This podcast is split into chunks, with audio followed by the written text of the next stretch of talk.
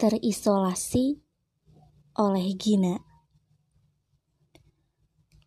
Menutup semua tirai jendela Mengunci tiap-tiap pintu yang terbuka.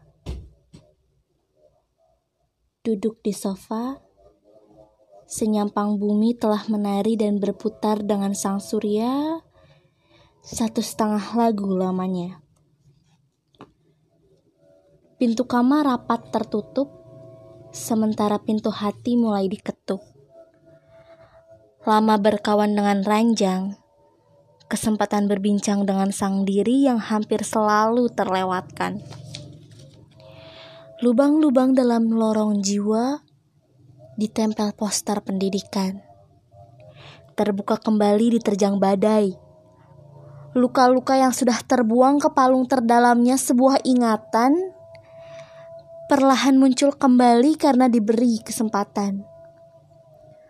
Waktu luas, tempat senyap, ialah cara terbaik menghayati luka.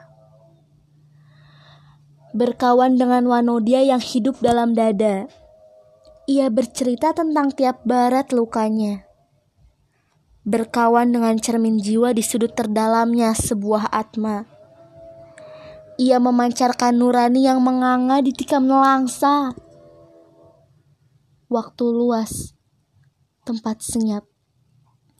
Ialah pintu yang menenggelamkanku ke dalam danau duka.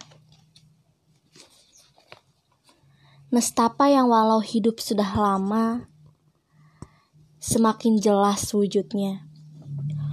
Bukan sekedar bayang-bayang belaka, karena sejatinya ia belum pernah meninggalkan rumah ini. Aku hanya baru punya waktu untuk mengajaknya berbincang lagi. Yang entah benar atau tidak, karena kini lagu pengantar tidurku ialah sunyi yang memporak-porandakan jenggala jiwa.